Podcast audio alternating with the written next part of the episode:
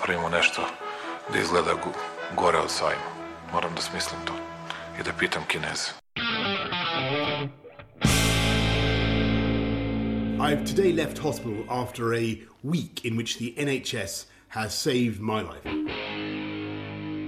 Ne mogu da verujem da narod koji je preživao sankcije, bombardovanje, svakojako maltretiranje će se uplašiti najsmješnijeg virusa u istoriji čovečanstva koji na Facebooku postoji.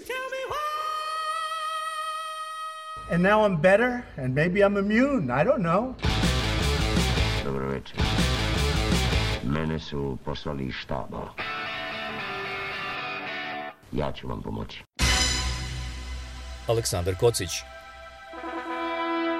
Jelena Viser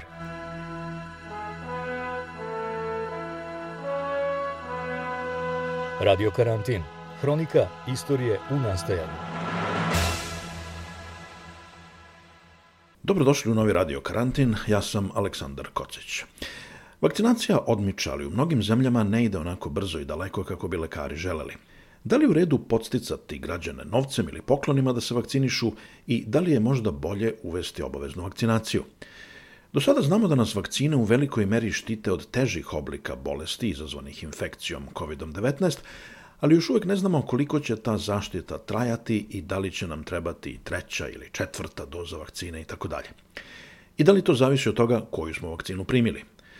Borba protiv COVID-19 donela nam je novi tip vakcina koje se pokazuju kao veoma efikasne protiv virusa. Da li su mRNK vakcine kao Pfizer ili Moderna budućnost i šta dalje možemo da očekujemo na tom polju?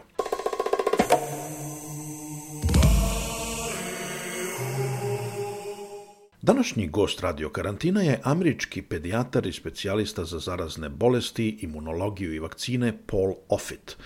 On je direktor Centra za edukaciju o vakcinama pri Dečjoj bolnici u Filadelfiji, a bio je i savjetnik američke vlade za programe imunizacije. Pitao sam doktora Offita da mi prvo kaže kako je zadovoljan vakcinacijom u Sjedinjenim državama. I think what didn't exist in this country was a um, public health system that supported mass vaccination of adults. That had to be put in place. But slowly it was put in place. And then we went from 1 million doses a day to 2 million doses a day to 2.5 million doses a day to 3 million doses a day.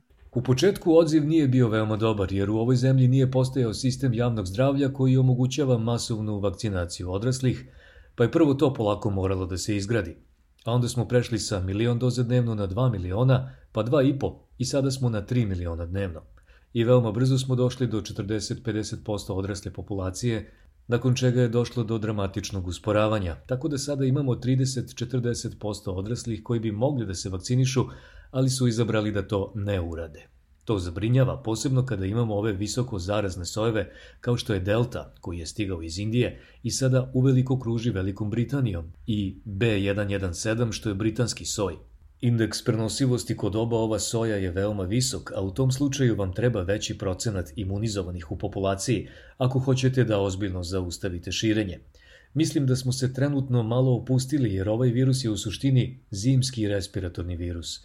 Ako pogledate broj smrtnih slučajeva, na primer prošle godine, vidjet ćete da je virus kada je došao u Sjedinjene države i u martu počeo da ubija ljude. Imali smo od 1000 umrlih dnevno do 2 ili 2,5 hiljade, a onda smo ušli u leto i brojevi su bili niski sve do novembra, decembra. Prošlog leta imali smo nezaštićenu populaciju jer nismo imali vakcinu, ali je broj umrlih ipak pao jer je u svojoj srži ovo ipak zimski virus. Sada su nam brojke dobre, ali ako ne podignemo procenat zaštićenih, onda ćemo na zimu opet videti porast. Pojedine savezne države sada koriste razna kreativna rešenja da podstaknu građane da se vakcinišu, od besplatnog piva ili dozvole za parking do tiketa za loto ili čak puške. Da li je to etički prihvatljivo? I, I think that for some people it's a matter of education, that they just need to learn about the vaccine. Um, for some people it's a matter of access. Which is to say they within remote areas or extremely rural areas we haven't been able to successfully get the vaccine. Za neke ljude ovo je stvar edukacije, jer oni prosto moraju da nauče više o vakcinama. Za neke ljude je pitanje pristupa, za one koji žive u udaljenim ruralnim delovima zemlje, njima nismo uspeli da dostavimo vakcine. A neki ljudi su inertni i treba im mali podsticaj. Pomislili biste da je to što nećete završiti u bolnici ili umreti dovoljan podsticaj, ali nekim ljudima očigledno nije, Ako za te ljude flaša piva jeste podsticaj, Ja sam za. I naravno ima i onih za koje ništa neće biti dovoljno.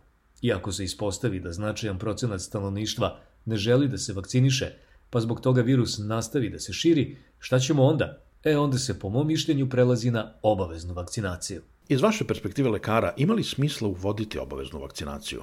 Well, we already do that. I mean, we, we have mandatory vaccination for school. There are pretty much uh, every state in this country has uh, vaccine mandates. Pa mi to već radimo. Postoji obavezna vakcinacija za upis u školu. U skoro svim saveznim državama imamo obaveznu vakcinaciju. Samo pet država dozvoljava neka izuzeća iz medicinskih razloga. Ako hoćete da pošaljete dete u državnu ili privatnu školu, onda morate da ga vakcinišete. U protivnom, dete mora da se školuje od kuće. Tako da obavezna vakcinacija već postoji. Isto kao što ako hoćete da putujete u zemlju u kojoj kruži žuta groznica, onda morate da se vakcinišete protiv žute groznice. Samo bi bilo dobro da za ove stvari koristimo možda neke druge reči, da možda ovo nazovemo zahtev za dobrim zdravljem. Možda bi to ljudima palo lakše nego kad kažemo obaveza. Ako već postoji obavezna imunizacija protiv drugih bolesti, zašto onda ne i protiv covid -a? You're already seeing mandates with this virus. I mean, you're, you're already seeing mandates in the private sector. Pa obavezna imunizacija već postoji u privatnom sektoru. Aviokompanija vas neće pustiti u avion ako niste vakcinisani. Pojedine firme vam neće dati da uđete kod njih, kao oni barovi ili restorani. Ili će vam reći može, ali da sedneš tamo i tamo. Mislim da Los Angeles Dodgers to već rade, da imaju deo na tribinama samo za vakcinisane. New York Knicks su na poslednju utakmicu protiv Atlanta Hawksa u NBA-u rekli da može da uđe samo ko je vakcinisan. Znači već ima toga i tako bi trebalo da bude. Ima i onih kao što je menadžer bejsbol tima Philadelphia Phillies Joe Girardi koji je rekao da on neće tražiti igračima da se vakcinišu jer je to lična odluka. Po mom mišljenju, lična odluka je kad rešiš da se ne vakcinišeš protiv tetanusa, pa onda dobiješ tetanus, ali to je samo tvoja stvar. To nije zarazna bolest i niko drugi neće dobiti tetanus od tebe. A ovo je odluka koja ima posledice po sve ljude sa kojima dolaziš u kontakt. Ne zaboravimo, u Sjedinjenim državama ima na stotine hiljada ljudi koji ne smeju da prime vakcinu jer primaju hemoterapiju zbog raka ili neku drugu terapiju zbog hroničnih bolesti. Onda njihova zaštita zavisi od drugih. Zato mislim da je ovo odgovornost prema društvu. Ako izađeš iz kuće nevakcinisan, moraš biti svestan da dovodiš i sebe i druge u opasnost. Slušate Radio Karantin. Ako vam se dopada ovaj podcast, zamolit ću vas da nam ostavite ocenu ili komentar na platformi na kojoj ste nas našli. Tako ćete pomoći i drugima da saznaju za nas. A naš rad inače u potpunosti zavisi od vaših donacija. Svaka pomoć i ona najmanja znači nam puno. Možete nas podržati stalnom, mesečnom ili godišnjom donacijom na platformi Patreon ili jednokratnom uplatom preko Paypala. Linkovi za uplate su na našem sajtu radiokarantin.eu. Radio Karantin.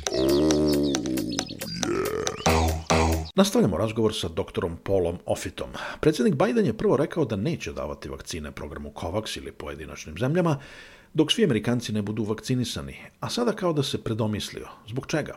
I think it's it's two things. I think it, it is um, your responsibility as a technologically and economically advanced country to help those countries that are less economically and technologically advanced and less wealthy to get vaccines. And it's not an altruistic act. Mislim da su u pitanju dve stvari. Jedna tehnološki i ekonomski razvijena zemlja ima obavezu da pomogne manje razvijenim zemljama da dođu do vakcina. I to nije čist altruizam. To je na neki način sebičan čin, jer pomaže da ceo svet bude zaštićen. Na svetu ima 195 zemalja i mnogi od njih nisu dale svojim stanovnicima još ni prvu dozu, pa ćemo i mi ovde u Sjedinjenim državama biti ugroženi sve dok virus nastavlja da cirkuliše.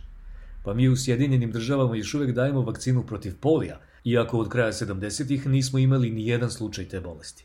Ali je dajemo zato što polio još uvek postoji u Afganistanu i Pakistanu, gde je ovo i dalje endemski virus. Zato ćemo još decenijama morati da štitimo sobstvenu populaciju. Koliko vas brinu novi sojevi virusa? It, it certainly, well, this is a bat coronavirus that's made its debut in the human population roughly in November of 2019. Ovaj koronavirus je svakako loš. U ljudskoj populaciji je debitovao u novembru 2019. Virus koji se tada pojavio i u jednom trenutku napustio Kinu bio je prvi soj i od tada se menjao. Virusi se konstantno prilagođavaju da bi se razvijali i mogli da zaraze ljude. Virusu je u interesu da se lakše prenosi, a nije mu u interesu da vas ubije.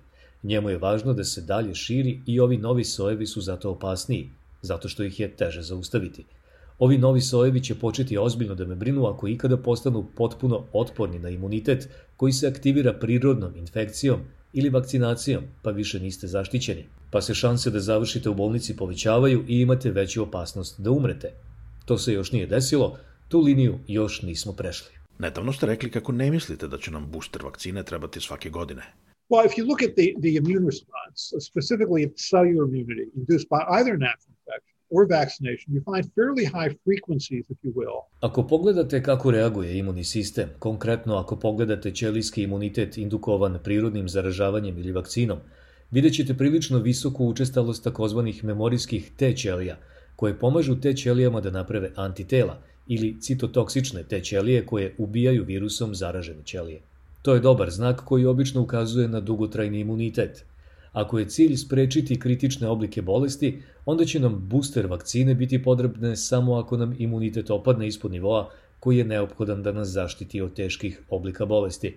Zato mislim da nam booster vakcine neće trebati svake godine, nego možda svakih 3 do 5 godina, pa i duže. Ali evo već imamo zemlje na Bliskom istoku, na primjer, koje su vakcinisale stanovništvo kineskom Sinopharm vakcinom i sad razmišljaju da im daju Pfizerovu kao booster. Yeah, so so the, the inactivated vaccine, a two-dose inactivated vaccine, the Sinovac vaccine, it tends not to induce as high a level of cellular immunity as induced by the mRNA vaccines with the viral vector vaccine. Da, jer su to vakcine sa umrtvljenim virusom i dve doze takve vakcine ne daju onaj nivo ćelijskog imuniteta kao mRNK vakcine ili one sa viralnim vektorom. I tu možda ima smisla kao treću dozu dati mRNK vakcinu. Glavna prednost ovih vakcina u odnosu na one sa umrtvenim virusom je ta što daju dugotrajniju zaštitu. Koliko su ove nove mRNK vakcine koje proizvode Pfizer i Moderna zaista revolucionarne i da li one donose suštinski zaokret u imunizaciji? Well, it's certainly we've entered the next era of vaccinology. I mean, traditionally, if you're trying to induce an immune response against, in this case, Svakako smo ušli u novo doba vakcinologije. Ako pričamo o buđenju reakcije imunog sistema u kojoj se cilja na protein koji napada površinu naših ćelija, u ovom slučaju zbog infekcije COVID-19, onda postoji nekoliko strategija. Jedna je da se u organizam unese sam protein, kao što je to slučaj kod vakcina protiv hepatitisa B ili humanog papiloma virusa, ili možete dati kompletan neaktivni virus, kao što je to slučaj sa vakcinom protiv polija, ili umrtljeni virus koji se daje protiv morbila. U svim ovim slučajevima u organizam se unosi virus u nekom obliku. Ovde se pak to ne radi, nego se daju geni koji organizmu pomažu da sam napravi odgovarajući protein koji se vezuje za virus i onda se organizam tako bori protiv infekcije. Zato su se mRNK vakcine pokazale kao izuzetno efikasne. Jedna doktorka u Srbiji rekla mi je nedavno da je vakcinacijski skeptici najčešće pitaju a gde je vakcina protiv HIV-a? Koliko smo zaista daleko od te vakcine? well, it certainly hasn't been for lack of trying. There's a lot of money that's behind trying to make an HIV vaccine. Nje još uvek nema, ali ne zato što se na tome ne radi. Uloženo je puno novca u tu vakcinu i čekamo da vidimo da li će nam ova nova tehnologija doneti vakcinu protiv HIV-a, kao i univerzalnu vakcinu protiv gripa, protiv malarije ili bolje vakcine protiv tuberkuloze. Vidjet ćemo. Ovo je veoma uzbudljiv period i vidjet ćemo u kojoj meri će ove nove tehnologije moći da se primene na podstojeće vakcine. Gde možemo da očekujemo najveći napredak? Well, again, I, hopefully we'll see a, a universal flu vaccine. I mean, that is that's the kind of holy grail of vaccines in many ways. Kažem, nadam se da ćemo doći do univerzalne vakcine protiv gripa. Kada pričamo o vakcinama, ta je sveti gral. Takođe nam je potrebna vakcina protiv malarije, koja je i dalje najveći ubica na svetu među zaraznim bolestima. Potrebna nam je i bolja vakcina protiv tuberkuloze, jer je ta bolest još uvek među trima najvećim ubicama na svetu i naravno vakcina protiv HIV-a koju ćemo sigurno dobiti. Milijarde i milijarde dolara uložene su u vakcinu protiv tog virusa koji se stalno izmiče kontroli. Virus gripa se menja svake godine, pa nam je svakih 12 meseci potrebna nova vakcina. A HIV se menja tokom jedne jedine infekcije. On nastavlja da mutira. Vi proizvedete reakciju imunog sistema da biste ubili prvobitni virus, ali on onda mutira. Pa opet, pa opet, kao da ste zaraženi sa stotinu različitih sojeva. Oh, yeah. Radio karantin. Paul Offit u razgovoru za Radio Karantin. Vakcinišete se ako još niste i slušajte Radio Karantin. Valja se. U sledećoj emisiji istražujemo da li je pandemija imala uticaj na potencijal za promene u Srbiji. Pozdrav! Aleksandar Kocić Jelena Viser.